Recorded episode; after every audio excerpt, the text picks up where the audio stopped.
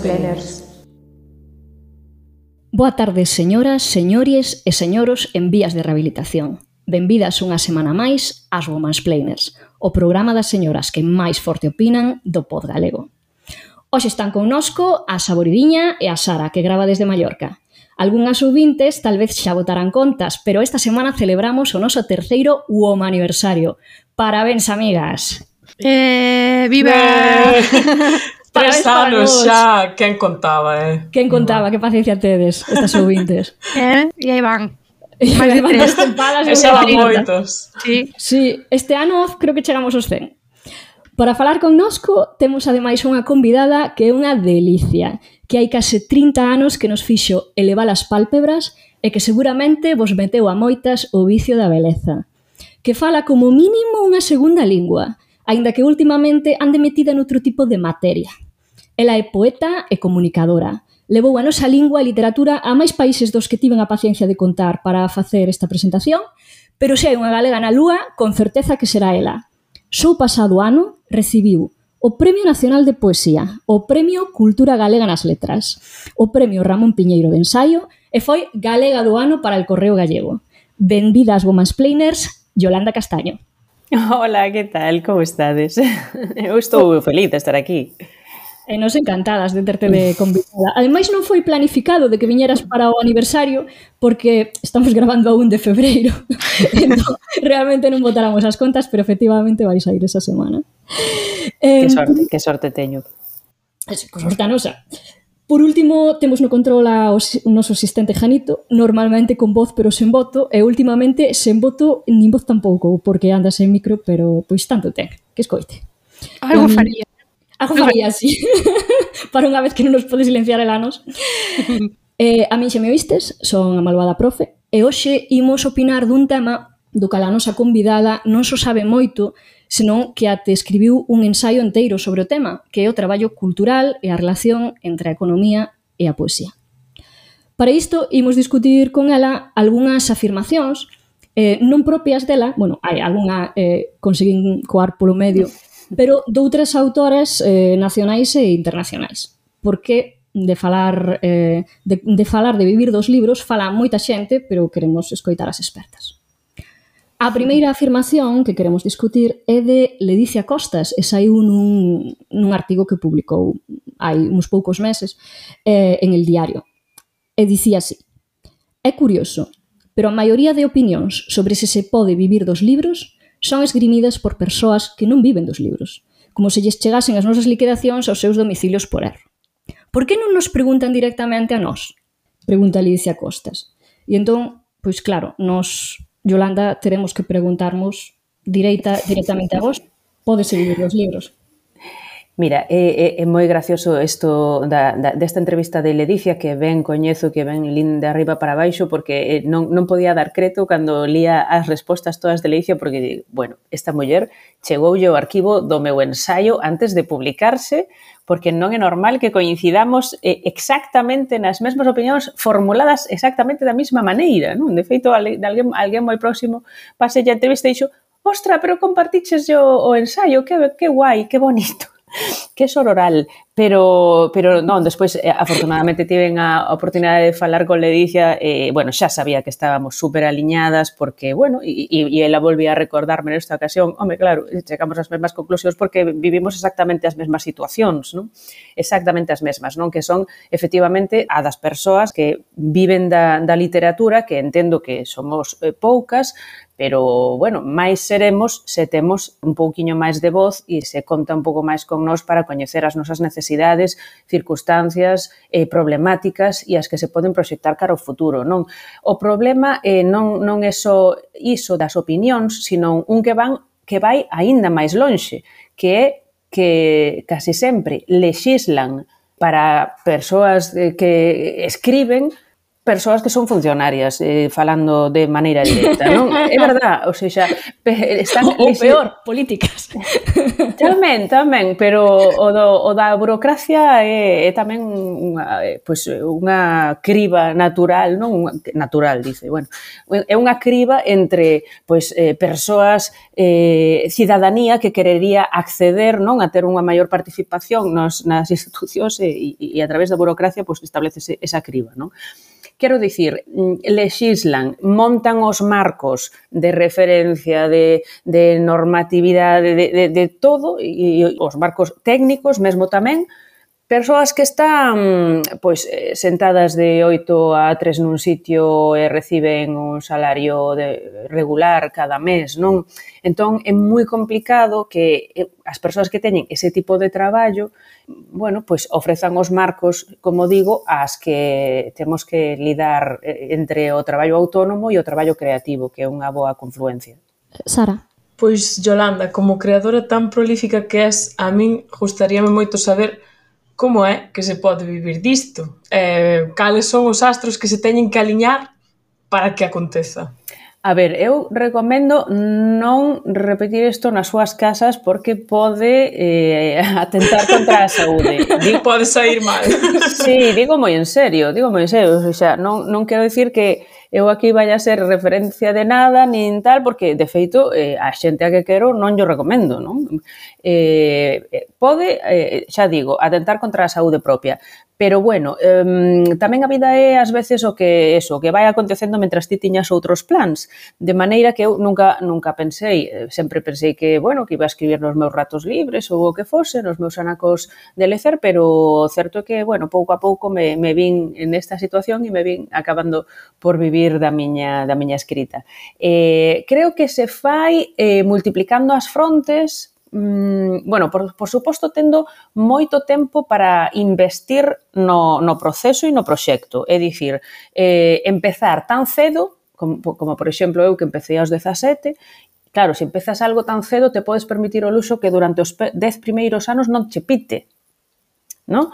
Eh, porque aínda estás a unha idade máis ou menos como para volver para non sei donde ou para iniciar algún proxecto vital ou o que sexa.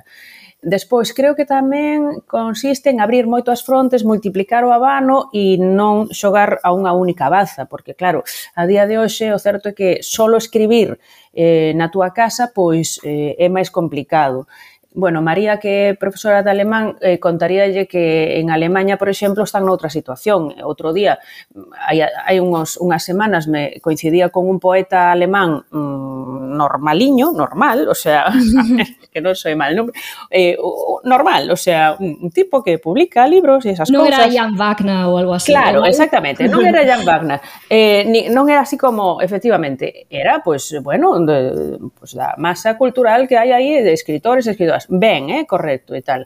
Eh, tipo da miña xeración, moi ben Claro, eh, eu vai toda, toda orgullosa co meu premio nacional e, e o tipo, bueno, min deronme unha bolsa de creación este ano, que hai moitas máis, non? Pero a que lle deran ese ano, pois en, eran 3.000 euros ao mes e, e a él lle viña ben porque non lle gustaba dar bolos, non? Decía, é que a mí non me gusta dar bolos, eu prefiro estar na miña casa escribindo e coidando os meus nenos eh, concilia, claro. e ademais concilia. E ademais concilia, non? Porque a, a súa parella, a nai dos nenos, pois ten un traballo un pouco máis tal, eh, máis exixente, o que queiras, eh, ademais dá a casualidade de que tamén é unha autora que está nun escalafón un pouco maior que o del, bueno, el leva un perfil un poquinho máis baixo, pero cos seus 3.000 euros ao mes e, e cuidando dos seus nenos e escribindo na súa casa, en zapatillas, porque non lle gustan os bolos. Isto, eh? Claro, entón, eh, eh, que podas vivir da escrita e non che gustan os bolos, non? E podas dedicarte a coidar os teus libros e escribir está bastante lonxe da, das nosas posibilidades actualmente eu creo que no noso caso todo o contrario, non? Ou seja, eh, trátase de abrir o abano e facer de todo. Eh, eh, poesía para nenos e nenas, eh, eh, traducir poesía, poesía en diálogo con outras linguaxes creativas, eh, ser xurado de certames de poesía, videopoesía, poesía con música, eh, todo o que se chocorra e, e logo, pois, eh, mellor aínda se podes facer proxectos con, con poetas. Ou seja, multiplicar o abano, eh, dedicarlle eh, tropecentas mil millóns de horas, claro, eh, non, non podemos aspirar tampouco aínda a que sexa un traballo de, pois eu que sei, vamos poñerlle oito horas o día, cinco días a semana. Non, eh, claro, é moito máis, non hai fins de semana, etc. Entón, pero eso xa sería para unha segunda parte, non poder regularizar e, e normalizar e, e, e, non, e, e que non fose unha situación tan precaria no, no sentido da, da estructura, non? pero, bueno, eh, eso xa sería para unha segunda fase. A primeira que algunhas persoas podamos vivir desto, e, eh, bueno, vai vaise podendo facer. Eh, como consello, eu, claro, non podo dar consellos desde o mundo da cultura, pero podo dalo como profesora, sacar a conclusión lóxica do que acabas de dicir, que se alguén ten 17 ou 18 anos, aínda está a tempo de aprender alemán moi ben. que vai empezando xa. E de marchar, e de marchar facer un dos moitos mestrados de escrita creativa que hai de dous anos que hai en diversas universidades alemás. Bueno, moitos non, pero un par deles eh, bastante importantes. Por certo que aquí, cando falamos de residencias, moitas veces son residencias pois dun mes. Eh, en, Ale en Alemanha hai residencias anuais. Eu coñecín sí, sí un novelista, pois bueno dicir, un novelista bastante normaliño, que viña, que viña de gañar unha residencia anual dunha cidade mediana que significaba sí, sí. que durante ese ano tiña literalmente unha residencia, un lugar onde vivir uh -huh. e ademais un salario e, e por suposto marchaba el coa súa familia. Estamos falando sí, pois, sí. máxima conciliación. Sí, sí, eh, non, non é nada de risa o que estás dicindo porque de feito eh, a persoa a que me estaba referindo non é alemán, Eh? De acordo? O sea, non é alemán de, de orixe, non é nativo alemán. Falante nativo, sí. Eh, claro, para nada, si es, escribe en alemán, pero ven do outro, do outro estado membro da Unión Europea, e, eh, bueno, pois pues, emigrante, foi ali, eh, fundou unha familia en Alemanha, ou seja que, efectivamente, o Consello é moi bo, o de María, está a tempo. eh, Carme contraataca aí dicindolles que aprenden portugués. tamén, tamén podría. O que pasa que eu non sei como é a cuestión se si hai tamén residencias creativas, alá, sí que non manexo nada esa cuestión.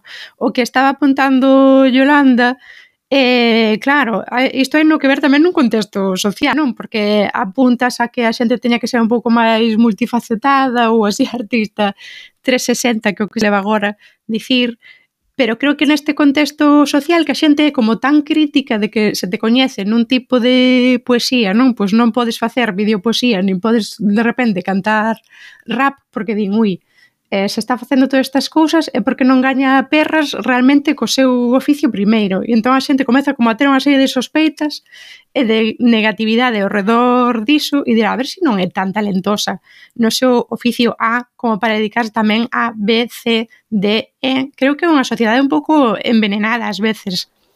A ver, eu creo que estas cousas acontecían máis no pasado, Carme, porque mm, agora xa non tanto, a non ser que me esteas a falar de compatibilizar dous eh, terreos moi distintos, que entón aí é como, bueno, a ver, a maioría dos escritores e das escritoras que temos no país eh, realmente se dedican a outra cousa. Entón, empezando por aí, xa é como para decir, é certo que non, non son tan talentosos como escritores, autores e autoras de literatura? Non, de feito, teño que decir que non hai Eso, eso cuidado, eh, eh? non hai unha correspondencia directa entre profesionalización e resultado creativo.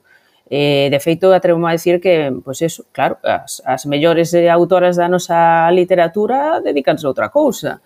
Eh, agora, aquí estamos falando de outro, de outro asunto. Non, é certo que a especialización pois, mm, bueno, estaba en en horas máis altas, de, creo que hai un, uns anos, e agora, pois, eh, dase por feito que podes tocar outros paus sempre que, e eso sí que é certo, pois, eh, te, todo mm, saia do mesmo motor, da mesma raíz primixenia, non? Ou seja, que non creo que lle reste credibilidade a un traballo literario pois que, que a túa literatura dialogue con outras outros códigos expresivos ou, ou así. Non, a verdade é que non. É que senón xa non lo poñen demasiado difícil, Carmen.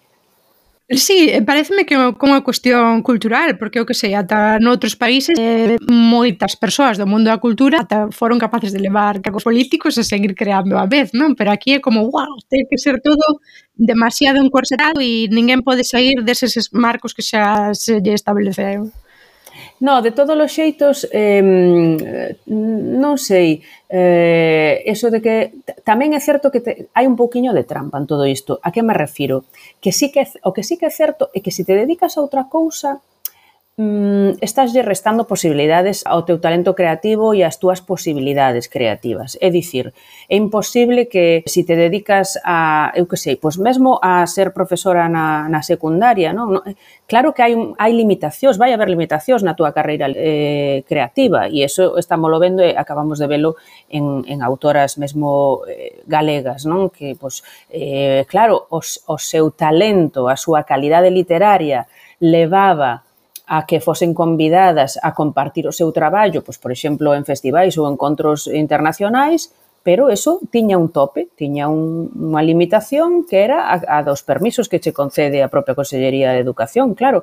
A, eh, temos, temos visto casos incluso dentro dunha mesma Consellería pois mensaxes contraditorias, mensaxes que se contradicían a unha a outra, non? Unha Consellería de Cultura que apoiaba a proxección exterior dunha escritora e unha Consellería de Educación, bueno, perdón, é a mesma, unha Dirección Xeral ou Secretaría Xeral ou como sexa, que non lle concedía, claro, que non lle concedía o permiso para asistir. Entón, imagínate, entón esa, esa contradición por parte dunha mesma Consellería creo que exemplifica pois esa limitación e ese, ese paradoxo e esa pescada que morda a cola ese tipo de normativas son, eh, penso eu, que o epítome do que ti comentaches antes eh, das, das normas feitas por burócratas, non? Uh -huh. E non por creadores, porque iso é absurdo. Total. O sea, porque, porque hai que limitar as, sobre todo sendo un permiso, entendo que eh, sen soldo, como son os que, os que collemos habitualmente, que absurdo, non? A, a mí o que me sorprende que alguén que sexa eh, profesor de ensino secundario non que non teña o talento ou a creatividade, sino que teña as enerxías. Se fai o traballo, non sei como é que fai feilo cando chega a casa eh, aínda, non sei, que lle dea para vivir. Eh, eu tiña unha curiosidade un chisco morbosa, vouche facer unha pregunta agora que non pensara antes.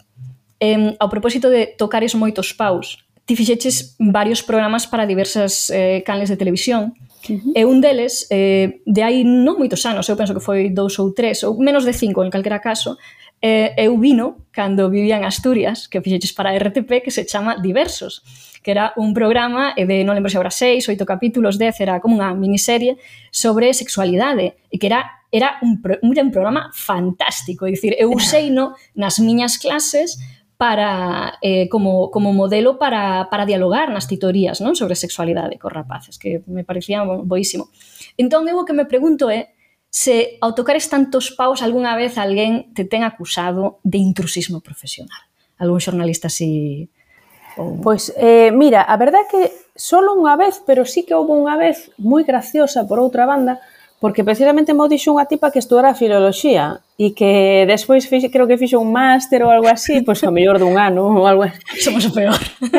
e entón pasouse a, a, a algún medio de comunicación e e me chegou a deixar como entre liñas algo así, cousa que me parece moi curiosa porque eh, gústenos ou non, eh, o xornalismo, non, o, a, o xornalismo, o mundo da comunicación en sentido amplo do hoxendía, pois para ben ou para mal, non bebe só de, de currículums ou de títulos, vamos a decir, non? Dito de outro xeito, a comunicación bebe de vos comunicadores, eu que sei, vou decir un, un caso superpedestre. Carlos Arguiñano, o mellor non ten un, unha licenciatura en xornalismo, eh, pero ninguén pon en dúbida que sexa un bo comunicador dentro do seu campo que é a, a cociña, non? E máis, ni sequera, o que é máis é bastante sabido que ni sequera é un grande cociñeiro. As, as señoras... É mellor comunicador. É mellor comunicador que cociñeiro. Eu que sei, a miña aboa, que era unha señora vasca, a quen Carlos Arguiñano non lle ia ensinar absolutamente absolutamente nada no seu programa que, que eu desde logo aprendía moito con el, porque era moi didáctico. A miña, a miña eh, aboa vía a Carlos Arguiñano porque era simpático, polos chistes malos que contaba, porque era un tipo eh, vasco como a ela, que É dicir, sí, por suposto que era un tema de comunicación. Sí, eu, eu tiña un compañeiro moi simpático que eh, un tipo así maior que a min que, que unha vez fixo unha reflexión que me deu moito para pensar, el, el ignora non? pero quedei, quedei así pensando porque estábamos nunha cafetería e salía Arguiñano e, e el quedaba así mirando para el e decía este sí que debe ligar este sí que debe ligar. E eu ainda pensei, a, me, a mentalidade masculina, que se, que se lle pasa pola cabeza, non? O sea, que este tío sí que debe ser aí o, o, o No, bueno, pues nada. Seguro que non lle faltaba razón. Pareceu moi riquiño así facendo esa reflexión en alto, non? Digo, que se lle pasaba pola cabeza? Que, que referencias terá na cabeza? Bueno, en calquera caso, Sí, eh, claro, eh, eh eu creo que a comunicación, pois o mundo da comunicación bebe de, de centros comunicadores e que algúns poden ser pois, que por unha razón ou outra, un avatar, outro ou veñan de onde veñan, pois eh, teñan esa habilidade ou que queiras chamarlle. No meu caso, eh, o, o propio feito de ser unha escritora é o que é o que me converte ou me, me se presupón certa habilidade para a comunicación, non? Moitas veces en todas aquelas etapas do, do pasado nas que eu toquei algo da televisión, bueno, teño que decir que, que estudei na Escola de Imaxe eh, Son, cuidado, que tamén despois de Filoloxía estudei na Escola de Imaxe Son da Coruña, o sea que hai unha formación, claro, non íbamos a ser así, ala, pero aparte diso, eh, todas as veces que me fixeron algunha pregunta a respecto de, de que tiña en común a poesía e a televisión, pois eh, non é outra cousa que a comunicación, claro. Eh, ás veces hai eh, que cambiar un pouco de, de formato, de registro ou de ton, pero no fondo, como a min tamén me gusta esa poesía que reborda os libros e chega ao popular e chega a xente e busca maneiras de, de renovar a linguaxe, pois sempre hai algo que se comparte. Sara, Pois eu agora, recollendo un pouco os fíos que deixaba desolto sobre a precariedade e a diversificación, creo que é un bo momento para introducir a frase que, que recolleu a malvada profe de Remedios Zafra, que é La precariedad en los trabajos creativos funciona como forma de domesticación. Eu cando alín isto isto fíxome reflexionar Non sei se tanto no, no mundo da poesía, que me gustaría que, que me contases ti máis, Yolanda, pero no mundo, no, no eido musical, a min isto resóname a que moitas artistas, pois cando xa teñen unha carreira establecida, evolucionan, cambian a súa forma de crear, fan outro tipo de estilo musical diferente, e isto moitas veces eh, trae, trae da man pois críticas das súas fans que din que xa non é o que era, antes molaba máis.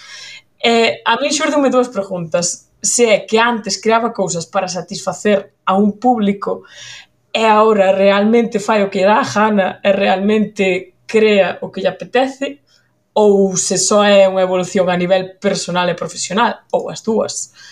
Ti que opinas, Yolanda? Acontece isto tamén no mundo da poesía e da literatura? Claro, que non sei poñerme na, na pel desas creadoras musicais nas, nas que estás pensando e non sei se si realmente canto de impermeables son ao contexto, canto de impermeables son ao mercado, eh, como de fiéis e xenuínas é o motor da súa creación. Non? Eu, por falarche do caso da, da escritura, claro, eu, eu penso que precisamente eh, hai que poñer máis o acento nos, no, nas administracións públicas, eh, claro que quedar na, nas mans do mercado sería eh, eh, espantoso, sería a lei da selva. E moitas veces, cando se esgrimen eses argumentos, é cando se nos fai dano, non? Cando eh, desde a absoluta ignorancia, pois alguén que di, ah, non, oye, pois eh, vivide da, da vosa arte, pero sustentade vos eh, solas de solos eh, vendendo os vosos libros. Bueno, claro, se deixamos a nosa cultura e a nosa arte estrictamente, exclusivamente en mans do mercado, evidentemente que acabamos no, no, na lei da selva, na lei do máis forte. entonces que pasa? Que na, a cultura dun país non fai parte dela a súa danza contemporánea? Non fai parte dela a súa escultura, o seu cómic independente? Non fai parte dela a súa performance? Non fai parte dela mm, a súa, as, as, as artes visuais eh, máis tipo eh, conceptual? todas esas, eh, todos eses xéneros, evidentemente, non se sustentan só co mercado. Eh, claro, eh, se os deixásemos así ás bestas, pois pois nada, pois eh, morrerían. Entón, claro que aí as administracións públicas teñen unha responsabilidade eh, é claro que o, o que o que fan estas estas creadoras destes terreos eh, menos comerciais si queres, pois fan, fan parte dun, da construción nacional e da construción dunha cultura e fan parte o día de mañá dun legado. Por iso non é xusto deixalo exclusivamente en ombreiros individuais. Des, eh, descargar esa responsabilidade que o único que fai é un descargo de responsabilidade social cara a unha, poñendo acento na responsabilidade individual, e depositalas moi tranquilamente e, e moi e moi injustamente eh, nese, sobre eses sombreiros individuais. Entón, eh, creo que eh, se estivésemos mellor amparadas por eses, eh, esas, estes poderes públicos e houvese unhas ayuda, axudas maiores, poderíamos concentrarnos no que realmente é o único no que temos que concentrarnos, que é na exixencia, autoexixencia e a busca da excelencia, da diversidade, da capacidade de risco na nosa na creación na nosa arte. Que pasa? Que é certo que a precariedade a que, a que se nos obriga, a min o maior risco que atopo, o, o, o meu maior medo, eh, en relación co que pos sobre a mesa, en relación coa frase de Remedios Zafra, é que esa precarización o que acaba facendo é deixar a literatura e deixar a arte e a creación en mans de quen se lo pode permitir. É dicir, sí. ese é o, esa é a maior ameaza Porque entonces, se si deixamos a arte en mans da burguesía, mm, eso, eh, claro, a ameaza que teremos en, Rivas será a, a, a exclusión de certos grupos sociais. Haberá un nesgo social evidentemente nas, nos discursos que acaben chegando pois, aos libros e, e aos produtos culturais e artísticos. Aí reside o, o problema que, que se o deixamos en mans de quen, quen se pode permitir non cobrar polo seu traballo, porque ten outro, porque ten un salario cada mes, porque ven de familia, que moitas veces o que acontece, que pois, veñen de familia rica, teñen uns, unha, un patrimonio e tal, e entón se pode permitir o luxo de, va, eu non necesito que me paguen por isto. entonces aí é cando este se está producindo ese nesgo social. Ese é a maior ameaza. Claro, ademais, eh, eu creo que ao final a precariedade e o desleixo das administracións públicas é homoxenizadora, digamos, que se perde esa diversidade, esa variedade, en prol de manter un statu quo, non claro, en prol do cambio, e, evidentemente. E aí é onde nos perdemos moitas voces eh, das excluídas, moitas voces pois das persoas pois digamos, pois menos dotadas de privilexios, si queres, así por, por dicilo, resumilo dun plumazo, non? Pois necesitamos tamén as voces das, das precarias, das incómodas, das eh, inadaptadas, e todas esas voces son as que se necesitan no discurso da, da creación e da cultura, e así non, non, non vamos a integralas, claro. Eu agora teño que anunciar unha cousa que que contra todo o pronóstico imos permitir que Janito diga algo. Baña, Janito, fala. Hola, que tal? bueno, xa sabedes que teño problemas técnicos dende un tempo, pero parece que se resolveron mm, insospeitadamente. Mira, eu quería aportar o que o que estades comentando, que realmente todo isto de que as, de, de falar das axudas parte dunha falacia, que parece que as axudas só van para sectores como a cultura, cando é mentira porque hai sectores industriais ou todos os sectores en xeral, todos teñen axudas. A axuda por mercar coches eléctricos é unha axuda tamén as axudas mm, rebaixas fiscais ou, ou rebaixas na, na, nas cotizacións de seguridade social son axudas tamén. Entón, que pasa? Non se pode axudar eh, o sector cultural, pero sí que se pode axudar outros sectores.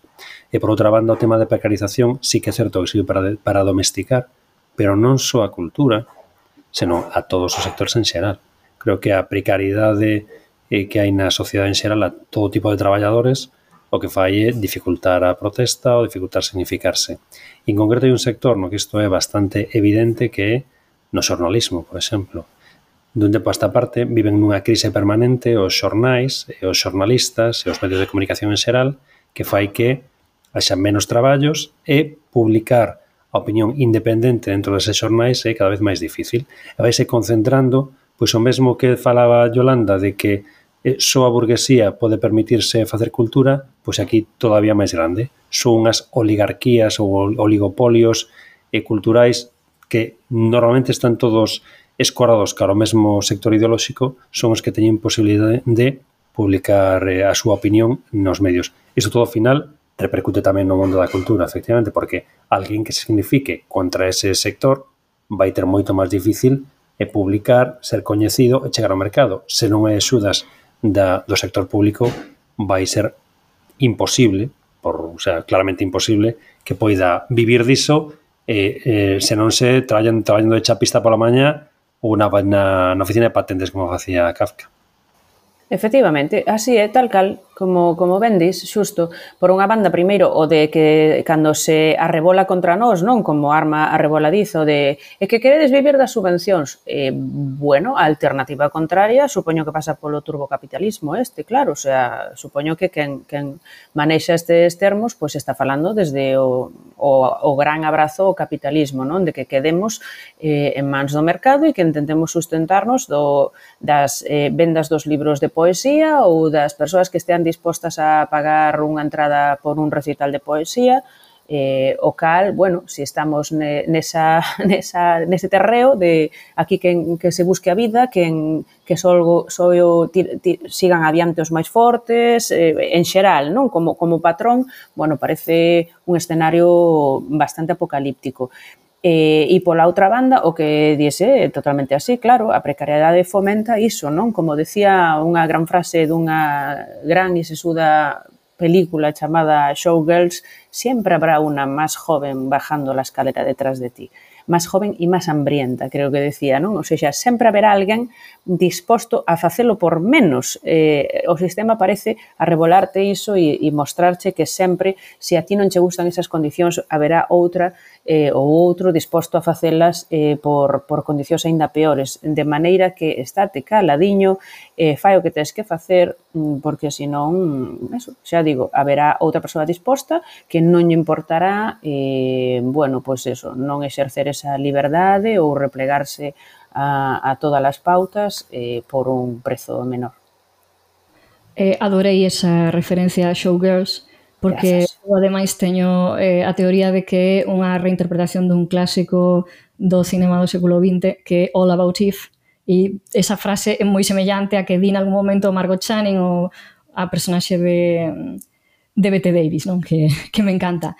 Eh, Janito falou de moitos outros sectores que reciben axudas e non dixemos o máis importante de todo, os rescates aos bancos. Non?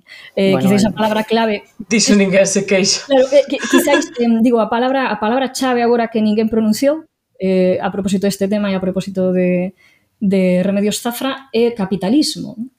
É dicir, eh, do que estamos a, do que estamos a falar é eh, de deixar a, a cultura nas mans do capitalismo. Uh -huh. E iso exclúe como, como comenta Yolanda, a todas as eh, escritoras, autoras, creadoras que non pertenzan a unha burguesía que teña eh, unhas condicións materiais que lle permitan crear, pero ademais hai un problema respecto aos contidos, eh, e aí ven o tema da domesticación.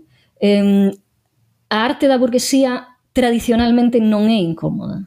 Claro. É unha, é unha arte que xorde desde o corazón do sistema eh, para agradar o sistema. Eh, hai Mm, gloriosas excepcións tamén hai que dicilo, non? Pero non é o habitual. Eh, entón, esa, esa lógica capitalista exclúe mm, as clases populares como creadoras pero incluso como consumidoras, o que dicías ti, solamente para quen o poida permitir.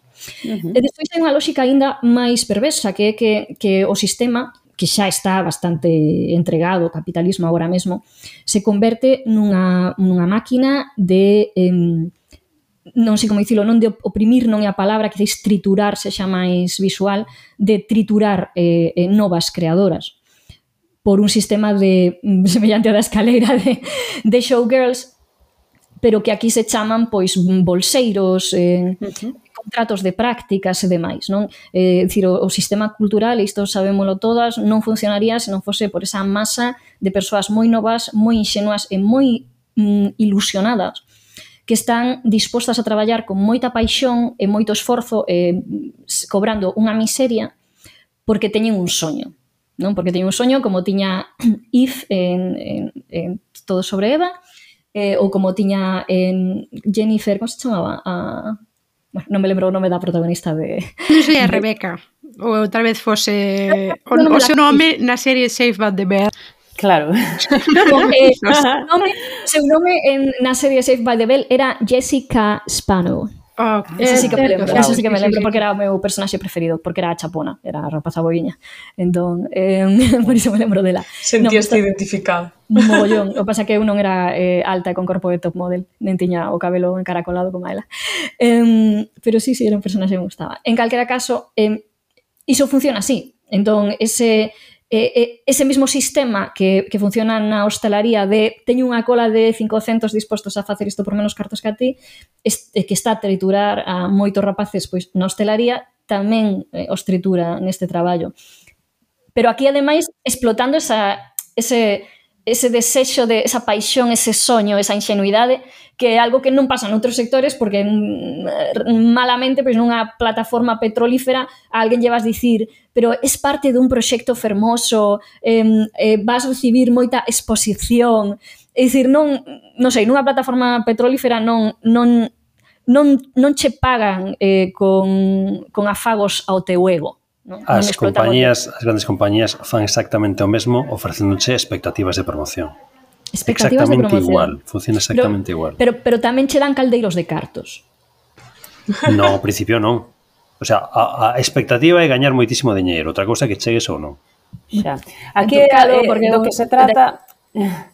Do que se trata é da típica imaxe da, do asno perseguindo sempre a mesma cenoura, non? Esa é a, a imaxe do, do capital e aquí o que se traballa é con eh, capital simbólico, con moeda simbólica. Entón, o pagamento en moeda simbólica pois é, eh, é o que se emprega con todas estas persoas, efectivamente, con esas promesas de algún día poder chegar a, eh, bueno, no mundo da moda nin vos conto, eh, non? Eh, da publicidade, etc. Non? Algún día traballarás para unha marca eh, que che pagará tanto carto que tes que eh, tirarte pois eh, 10 anos sin traballando de maneira gratuita, non? O problema é ese que se, eh, se, se nos obriga a vivir eh, paralelamente nun sistema que paga con moeda simbólica e ao mesmo tempo neste mesmo sistema económico que o resto das persoas. Quero dicir que non me importaría se si, cando chegase o, o supermercado e chegar á caixa, pois lle dixese, mira, e, cartos non teño, pero e, teño unha gran visibilidade, un gran prestixio como autora, e, son admirada, hai hasta que me ten certo cariño, entón déixame levar este, este entrecot e estas verduras gratis pero non, se nos obriga a mesma ao mesmo sistema económico. É por iso que, por moi anticapitalistas que sexamos, pois mentras non inventemos un sistema económico paralelo, pois vai ter que pagarse eh, todo ese, ese traballo, pois ni máis ni menos que con diñeiro.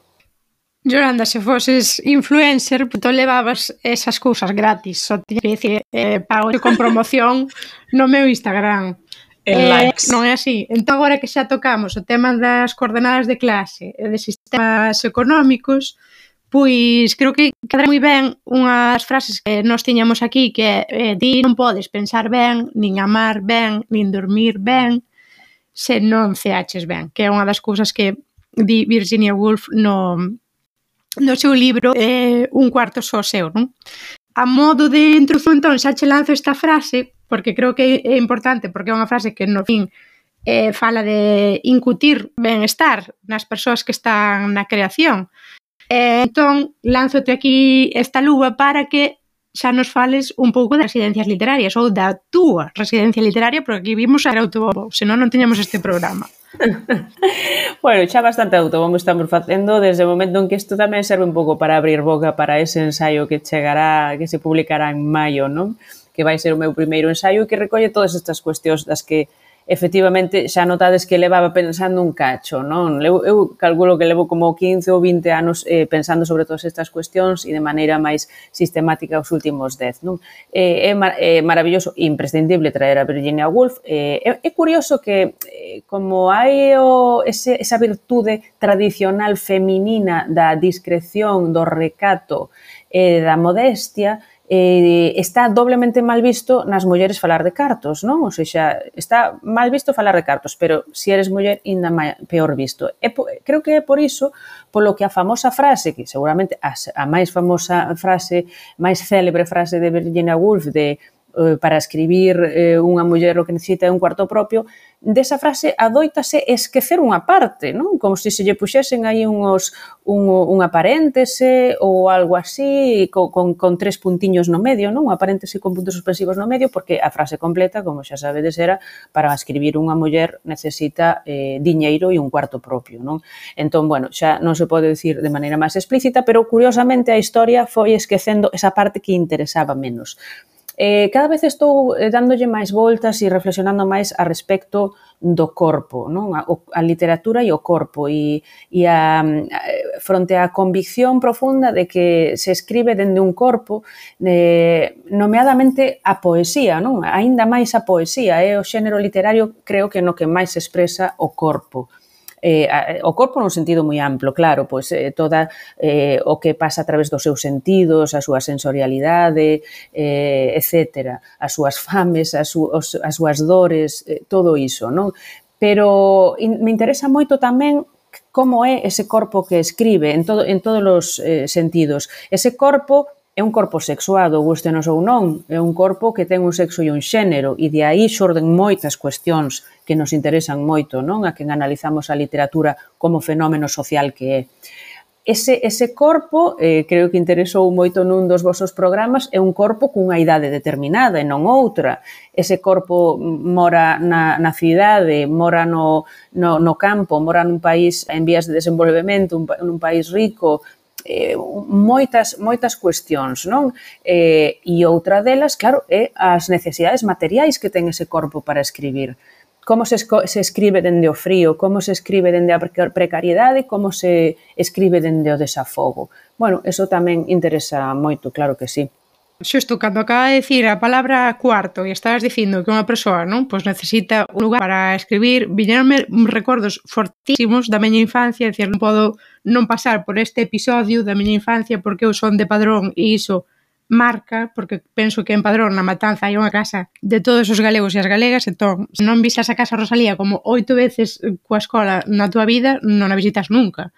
E fun consciente de toda a mudanza que ali que houve, non? Porque nos 90, o que a min me era presentado nese momento, cando chegabas á parte eh, da mesa para escribir, o que estaba aí dito, é que esa mesa era o escritorio de Murguía. E entón eu, sendo nena, dixen mmm, entón esta señora Rosalía de Castro aquí onde estaba, onde escribía. E o que a min me daba por pensar era que o lugar desa señora era a cociña. Seguramente ocuparía todo o espazo, non? Porque había unha finca, había unha casa grande.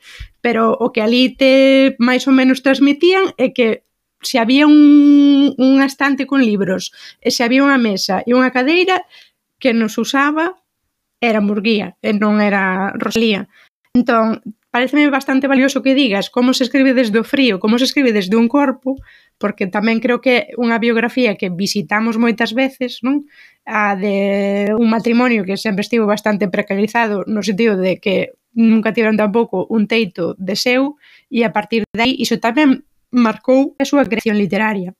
É moi interesante o que dis, a verdade que sí. E, a, e ademais, como evoluciona tamén esa visión no, no tempo, como ben dis, e, e o feito de que, ahora que falaba eu de silenciar partes que non interesan ao discurso histórico, pois eh, non temos moi posto acento nun feito que, que eu investiguei tamén, que era o, o feito de que Rosalía quería vivir do que, se, do que ela escribía e, e, e mandaba ás veces xente a, a cobrar eh, facturas que non lle daban pagado polos seus escritos, polos seus artigos, etc. Eso parece que que non favorece tanto, non queda tan lindo nas biografías e, e queremos esquecelo, non?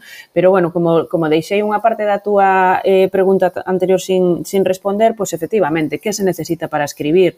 Pois eh, conciliar, hoxendía, conciliar, que tamén é unha palabra interesante, xa que pois, nos últimos tempos nos estamos fixando máis nos cuidados, na vida persoal, etcétera, e conseguir conciliar pois eh, vida persoal eh, vida creativa e en, moitas, en moitos casos vida profesional tamén é eh, un equilibrio eh, do que a, as mulleres en concreto, bueno, e, e moitas persoas, pois eh, como se sigan ou nos sigamos autoexplotando, pois eh, reventaremos polos aires, non?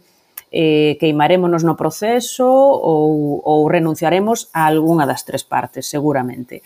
Entón, ás veces, pois, eh, eh, volvendo ás residencias que mencionabas, pois ás veces unha residencia na ausencia de grandes bolsas creativas como as que falábamos ao principio que teñen os países avanzados, mm, nesa ausencia, pois eh, as residencias eh, fornecen dun espazo, un tempo e unhas condicións pois eh, que permiten que concilies durante unha paréntese no teu, no, no teu tempo, non? un mes, dous meses ou que sexa, que, que te dediques, que te mergulles por completo na túa obra de creación, pois afastada das túas obrigas diarias ou das túas distraccións, non? Que podas sentirte 24 horas ao día escritora, non? Porque é moi difícil, efectivamente, cando desa mina finita, que ao final é do que se trata, hai unha mina finita que é o tempo, o noso tempo, o tempo da nosa vida, non? Ou o tempo do noso corpo, se si queremos seguir na liña que falábamos. E dese mesmo tempo pretendemos que saia o traballo que nos sustente, é dicir, que nos pague as facturas, etc., e o tempo eh, que investamos na nosa obra de creación. Como mantemos ese equilibrio? Eu creo que diso se trata. Brava da profe.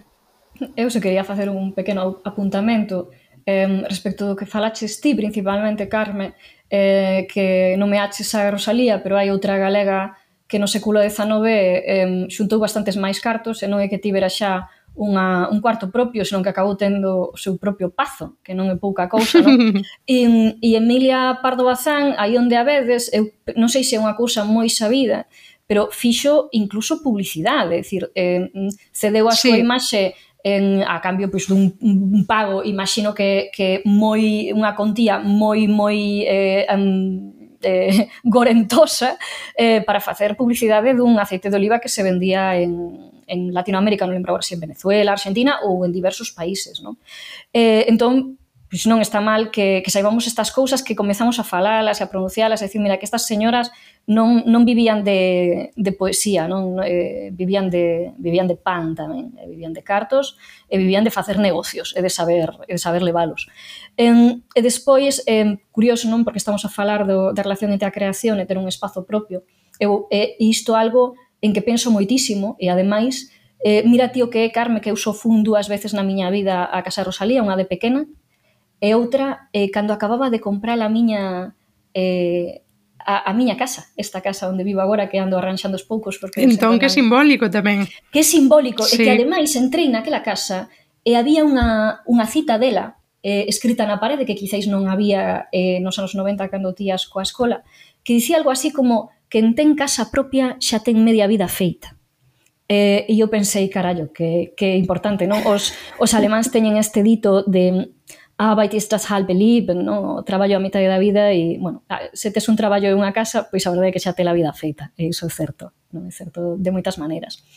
E, e a outra cosa que quería apuntar en relación eh, co espazo propio é que ti mesma eh, connosco, non? Cando queremos crear, porque este tamén é o noso espazo de creación en certa medida, non? De, de, de intercambio de ideas, eh, este podcast, que nos temos moitos pro problemas para gravar moitas veces pola compatibilidade de horarios, dos horarios máis de, de oficina que poderíamos dicir que temos os máis bellos e as gardas de sanidade que ten a, a pobreza.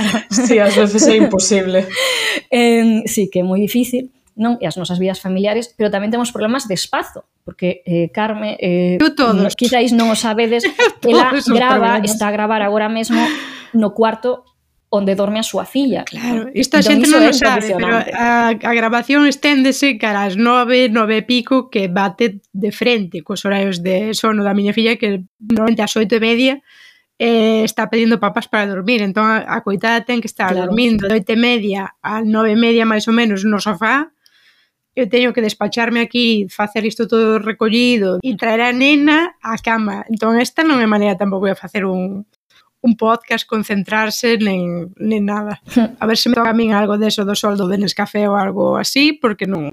Sí, temos que falar xa dunha vez por todas por, eh, de, de, de cuestións eso, moito máis prácticas, e menos etéreas. Eh, desgraciadamente hasta agora a literatura estaba como envolta nunha áurea eh, un pouco casi mística que creo que facía bastante mal, non? Como nunha categoría moral distinta, ou, ou e tildada de un montón de preconceitos, de prexuizos, de estereotipos que eh, a través dun paradoxo ben perverso, segundo facían un afago, eh, acababan sendo enormemente contraproducentes. Así que hai que falar tamén de espazos, efectivamente, eh, no meu caso falo vos dende a residencia literaria 1863, a residencia que teño na Coruña, na mesma rúa na que, por certo, naceu Emilia Pardo Bazán, Eh, eh, e, e, e cada vez estou máis interesada tamén pois eso, en como os espazos afectan. De feito, creo que outro dos, eh, das, dos beneficios dunha residencia é que mm, eh, saes da túa zona de confort, que eu sigo crendo niso, ao menos como, como creadora, resulta estimulante e, e colocas ao teu corpo nun novo espazo, nun, es un espazo onde non tes unha, un pasado, onde eh, ese espazo non está terriblemente connotado como están os nosos despachos, non? Eh, e onde todo é unha tábula rasa e podes explorar unha nova postura desde a cal escribir, unha nova posición que tamén pode dar un novo acento, un novo matiz na túa voz, na túa voz literaria, claro. Janito. Bueno, pois pues Eu agora eh, vou traer aquí unha, un pequeno naco dun, dun artigo que publicou Antía Yáñez en, na revista Luces, casualmente non sei se coñecedes, en luces.gal publicou isto, un medio, un medio evo, eh, que precisa, precisa suscripcións para ser da precariedade. Antía. Eh, a frase, vou, vou ler eh, o texto de, de Antía, con eh, citalo tal cual, Eh, penso nas amigas que escriben sabendo que o diñeiro no banco non vai depender de vender mil ou dez mil libros, de gañar tal ou cal certame nesas que decidiron escribir menos pero a cobrar máis, e que agora, cando xuntan letras, o fan desde a serenidade. Pregúntame se me equivoquei e se elas serán máis felices. E pensades que existe unha maior liberdade creativa cando non vives directamente da creación cultural? Bueno, é que eu penso iso, que, que sí, por unha banda está esa, esa aseveración, non? Que parecería que, bueno, pois pues efectivamente, desa, como eu dicía antes, esa, esa mina finita que é o noso tempo, o tempo da nosa vida, pois pues temos que intentar eh, ver como como sustentarnos, como pagar eh, vivenda, alimento, etc. E tamén crear. Eh, e, e en moitos casos, pois parece un, un equilibrio interesante, pois dedicar boa parte dese tempo, por non decir, a maior parte dese tempo, a, a que esas necesidades materiais queden cobertas e os refugallos porque é un pouco así, os refugallos do noso tempo eh, productivo, si queres, eh, os dediquemos á creación. Iso acaba colocando pois que, que bueno, pois que se acaba creando mm, pola noite, eh, no tempo que vai sobrando, que é moi pouco, cada vez menos, eh, dada a precarización xeral de todos os traballos, non? Eso tamén se podería analizar, eh, crear nas fins de semana, que o mellor tamén pode eh, ocasionar problemas de conciliación ou eh, sacrificar as vacacións, como tamén fan moitas escritoras. Eso, claro, ten, ten as súas trampas, porque, eh, bueno, aparte das, das obvias que acabo de, de comentar, non que non sempre traballar, facer o traballo creativo no tempo de refugallo que che deixa ou outro traballo, pois é o máis rendible, E logo tamén pois que iso atopa o xermolo da súa propia limitación, no sentido en que eh, a parte de escribir, pois a veces tamén está comunicar a túa obra, compartir a túa obra en foros, en encontros. Eh, a, a poesía ten, por exemplo, en concreto o xénero literario poético ten unha faceta oral que permite pois eh, acudir a, a, a festivais, a recitais poéticos, claro, si dedicas eh, o, o tempo central o, o teu tempo de produción, a túa maior enerxía a outra actividade, bueno, pois eh, sempre vai estar limitada esa outra parte, non? Non vas a poder dedicarte de todo. Entón, por eso, sempre é un, un, un difícil equilibrio e, e as decisións sempre se toman nun, nun sentido ou noutro e, e son dificilmente compatibilizables. Eu creo que polo contrario, pois tamén cando podes eh, dedicar o teu o tempo central da túa vida, a túa enerxía, á túa creación, pois tamén eh, iso vai eh, aumentando exponencialmente, eh, multiplícanse os foros nos, aos que podes acudir, os que queren contar contigo, os intercambios con outros creadores e outras creadoras que che abren moito moitas moitos horizontes, eh, que multiplican os teus marcos de referencia, mm, podes sacarlle máis partido ao teu traballo porque tamén podes investir máis. Bueno, isto é como to, como todo, non? Tanto tanta dedicación, tanto tempo e tanta enerxía lle ofreces a un dos teus eh, terreos, a unha das túas actividades, tanto eh, che devolve. Eh, é curioso, porque quería dicir unha cousa, e eh, a cousa que, que ia dicir rebate un pouco esta última frase que pronunciaches, Yolanda, que que tanto tempo lle devolves, eh, perdón, tanto tempo lle dedicas a este traballo, tanto che devolve. Eh, e isto na maioría dos traballos mm, adoita ser así mm, dunha ou de outra maneira, non? Nos traballos civis eh, normais, normais e correntes eh, que temos os demais, os, os técnicos, os mestres, os chamalle calquera cousa oficinistas, non? onde a creatividade non xoga un papel tan central, habitualmente a xente consegue eh, un traballo ou consegue eh, ou conserva ese posto mm, segundo unha cualificación que obtivo ou segundo unha habilidade que ten, e tamén segundo se fai o seu traballo ben ou mal, e iso pois é bastante obxectivo, non? Se o fas ben, eh, eh, normalmente conserva o traballo, eh, eh, recibes pois un salario, eh, se o fas mal ou cometes algún tipo de erro moi grande, pérdelo. Eh, a min neste sentido mm, teño que dicir que non me dais ningunha envexa eh, as escritoras, as pintoras ou as músicas, porque eh, mesmo tendo pois moita técnica, moito talento, moita originalidade e mesmo meténdolle moitísimas horas en moitas veces ficades a mercede do que mm, podría ser pois o gusto, non? Do mm, e a atención do público, esas dúas palabras chave, non? Gusto e atención. Bueno, digo do público ou tamén pois dos críticos, dos xurados que ás veces pois se repiten de maneira eh, bastante rechamante, non? Nun sistema literario pequeno como pode ser o noso. Eh, e claro, por unha parte a atención está cada vez máis diversificada, é dicir, cada vez temos máis estímulos, non só literarios, pero incluso dentro da literatura pois hai unha chea de editoriais pequenas, hai moita variedade, eh, cada vez hai máis persoas que lemos en moitos idiomas. Eh, antes eh, a competencia da literatura galega era a española, pero agora xa hai unha xeración que lee en inglés. En, e ademais a velocidade a que mudan eses gustos e as tendencias, non? Que, que, que, que cada vez é máis acelerada, que pasa como un pouco como coa moda a moda propiamente a da roupa. Eh, Entón, claro, no voso traballo en realidad existe a posibilidade de facer algo ben, eh, de ter eh, unha boa técnica, de crear un produto orixinal, e que aínda así iso non reciba ningún recoñecemento porque pois a propósito de premios, como falaba a cita de Antía, pois o premio hai unha serie deles e eh, elevado unha persoa. E ti podes facelo moi ben, pero tes que ser o mellor de mm, 50 ou 100 novelas ou poemarios ou ensaios que se presentaron. Eu sempre penso a fortaleza mental que imagino que tedes, porque para min, eh, eu sempre comparo na miña cabeza coas oposicións, non? Eu, eu eh, eh, presenteime unhas oposicións onde éramos pois algo máis de 50 candidatos tamén e había unha praza de acceso libre e outra que se acumulou que poderíamos chamar o Accessit, non? En, eu aprobei, pero penso no, no destructivo que pode ser facer iso eh, 10 veces, 12 veces, como moita xente que eu coñezo, e non seres o mellor, nin o segundo mellor, nin en realidade és moi bo. E sabes facer moi ben o teu traballo. Pero a diferenza é que eh, se se és profesor de historia ou de alemán, especialmente se és profesor de alemán, volvendo de antes, nunca é mal momento para dicir que aprenderes alemán, vas ter traballo igual. Non serás funcionario, pero vas ter un salario, eh, igual tes que viaxar un pouco máis, igual ese ano traballas a media xornada ou tes que compartir institutos, pero non che falta o traballo, non? Eh, pola contra, se es eh, novelista ou poeta, pois quizáis ni se publican os teus textos, nin recibas ningún tipo de remuneración por un traballo que xa está feito. No?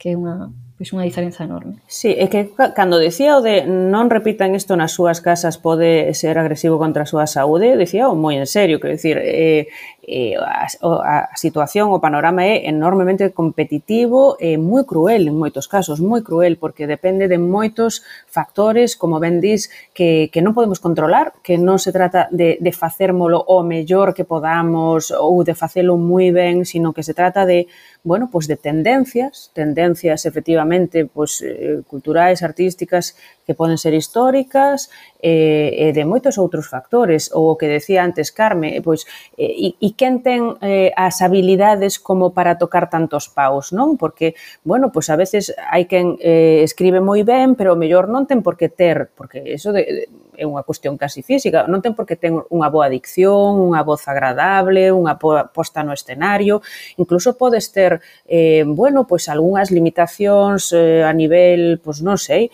eh, psicolóxico como para que non che gusten os escenarios, non che gusten eh, non o, o espazo público, tens que ter unha certa resistencia, bueno, unha moi considerable resistencia ao espazo público, á exposición, tens que estar disposta a moitas cousas e máis ou menos moverte con con certa habilidade neses terreos. Eh, claro, se si comparas caso oposicións, bueno, ás veces comparo simplemente eh, vivir da poesía, comparo con vivir de algúns outros eh, eh, xéneros creativos ou artísticos, non? Por exemplo, eh, é moi difícil vivir da pintura, pero, bueno, na, na, en cada cidade hai algunha persoa que vive da pintura, non? Por exemplo, aquí na Coruña hai varias persoas que viven da pintura, eh, en cada cidade, non? Ou, ou da música, pois tamén en cada cidade hai un par de persoas, tres, catro, cinco, non sei, o mellor máis que viven da música, pero se si pensas nas persoas que vivimos da literatura, pois eh, claro, eh, os números son ridículos, non? Por eso a veces choca que nin siquiera unha porcentaxe tan pequena da poboación eh, non poda eh, protexerse un pouco, non? Ou seja, non pode o meu país protexer que Chus Pato se dedique a escribir, non é beneficioso para a miña cultura, que le dice a Costa se dedique a escribir, que Manolo Rivas se dedique a escribir, non sei, unha serie de nomes non é beneficioso para nós, igual que se liberan, pois eu que sei, non sei, se liberan sindicalistas, se liberan, non, persoas que necesitamos que fagan X labores porque pensamos que son beneficiosas para a comunidade, non? Eh, non se pode liberar, pois non sei, somos 3 millóns, pois eh, a 30 persoas para que escriban, non? para que fagan boa literatura nunhas condicións nas que non teñan que volverse micos e micas para, para pagar as facturas da luz. Bueno, pois aí está a reflexión parece entón que houve aquí xa un hiato que me dá xa pé a presentar Yolanda, ti non sei se sabes pero o que considero a miña sección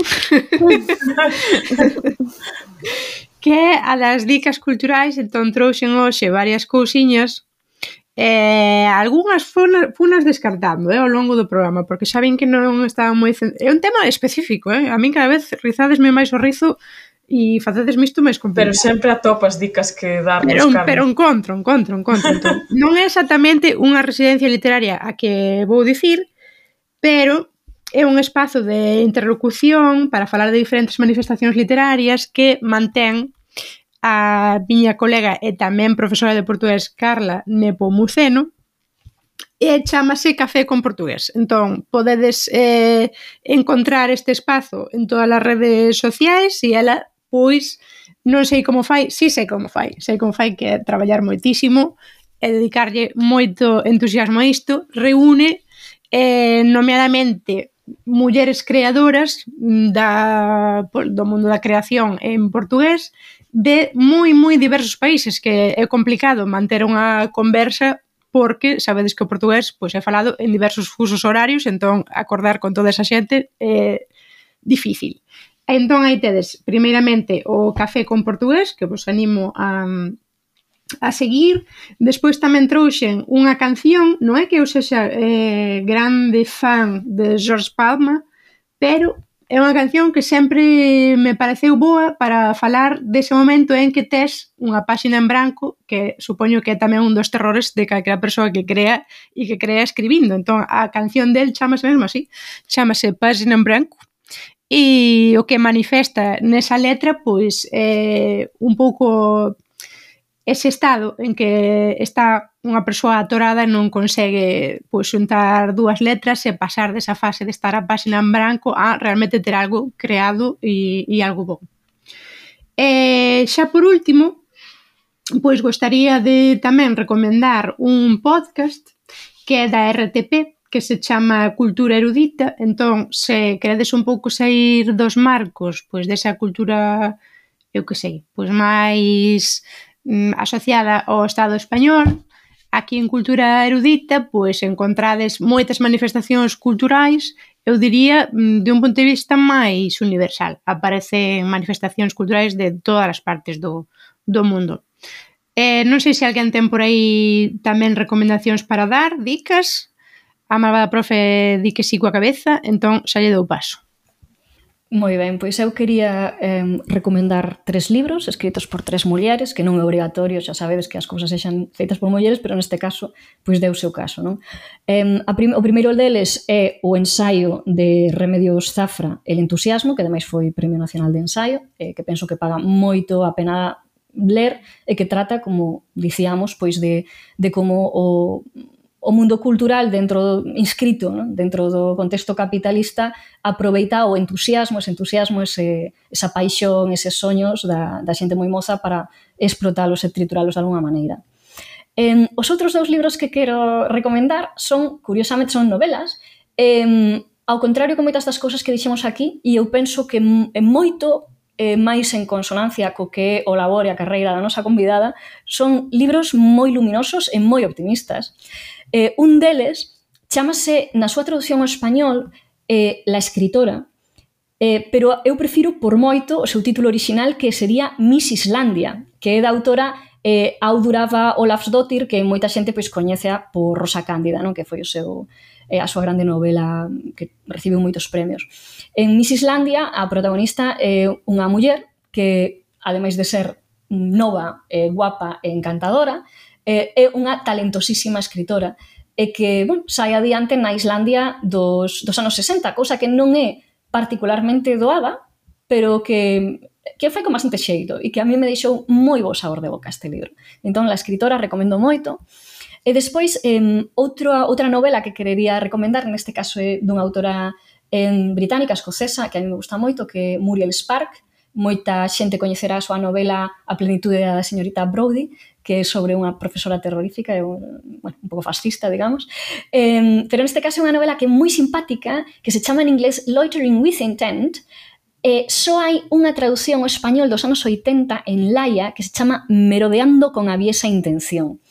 E este, en este Loitering with Intent, a protagonista de novo é unha escritora bastante nova que está intentando eh, remata a súa novela e que, entre tanto, ten que buscar un traballo para sair adiante. E mentre a de Miss Islandia pois era camareira e colle outros traballos, neste caso ela é contratada por unha simpatiquísima asociación autobiográfica de bueno, onde aparece unha serie de personaxes de señoros, porque non se pode chamar de outra maneira, con quen ela ten que lidiar e cos seus edos, e egos autobiográficos. Non? E é mm, un libro moi simpático, moi divertido, recomendo moito. E, por suposto, querería eh, recomendarnos a todas, non? A, digo recomendarnos tamén a mí mesma o novo ensaio de, de Yolanda eh, sobre economía e poesía, eh, que vai sair en que editorial, Yolanda? Que non... En Galaxia, en Galaxia. En Galaxia, moitas grazas. Bueno, pois pues chegamos ao final do episodio de hoxe. Eh, agradecer eh, moitísimo a Yolanda que, mm, a pesar de que sempre agradecemos as visitas no caso de Yolanda, hai que agradecer por diversos motivos, entre eles por cadrar a súa xenda que é bastante ben complicado atopar o co entre tantas actividades como, como ela fai eh, tan amplas e tan ben. Entón, moitísimas grazas por, por vir hoxe conosco, Yolanda. No, moitísimas grazas a vos e grazas tamén por, por esa flexibilidade con esta xenda imposible que andamos tendo en xeral e neste ano tan especial en concreto. Moitas grazas a Boriña, como sempre, traendo dicas e moitas máis cousas. Eh, até a próxima semana e, pff, Yolanda, estou contenta porque realmente propuxemos que isto ia durar de aquí para aquí, dicir, estas pautas de minutos e cumprímolo, debe de ser a primeira vez que nos acontece isto. Isto non pasou nunca antes. Eh, é no. histórico, histórico. Normalmente profesional, moi profesional. Ah, Estamos de aniversario. Eh, a xente non cando, cando a xente sabe traballar na televisión, ben se nota. A xente, a xente isto non lo sabe, pero non, Normalmente acepta, acepta este caramelo que cando un vello te ofrece un caramelo a saída da, da escola, ti dis que sí e realmente era un secuestro, porque a xente eh, di, pero canto dura? No, unha hora e ao final estamos aquí dos horas. Tres horas, tres horas tranquilamente. Moitas grazas por estar aí, Sara, tamén. Grazas a vos, e como sempre, un placer compartir este espazo. E hoxe a malvada profe no control, moitas grazas por eh, tomar o relevo aí, de, bueno, por múltiples motivos. Por múltiples motivos. Eh, grazas a ti, Janito, pola confianza. Moitísimas grazas de novo, Yolanda, por vires. Foi ah, un placer verte de novo despois de tanto tempo. E ademais teño que facer unha cousa, que mandarche unha aperta de parte da, da miña parella, do malvado profe, mm. que o ano mm. pasado fixo este curso contigo, porque sí. Yolanda isto non o dixen, imparte incluso formacións para profesores de como empregar a poesía na clase, mm. e ficou encantado. Eh, lembreime agora cando dixo alguén a palabra profesional, que la dixo, que el dixo, que, pero que cacho profesional esta muller. Fantástica. Marcho entón, emocionada, moitísimas grazas. Que gusto. Bueno, e eh, como sempre, moitas grazas a todas vos por estar aí cada semana, por seguirnos, por escoitarnos e pedirvos que nos recomendedes ás vosas amigas que fagades ese pequenísimo esforzo de, bueno, pois comentar por aí que escoitades un podcast que vos gusta e que, que é o noso. Eh, e nada máis, vémonos ou escoitámonos en 15 días e, eh, e até xa. Chao, chao. Chao, chao. Chao. chao. chao.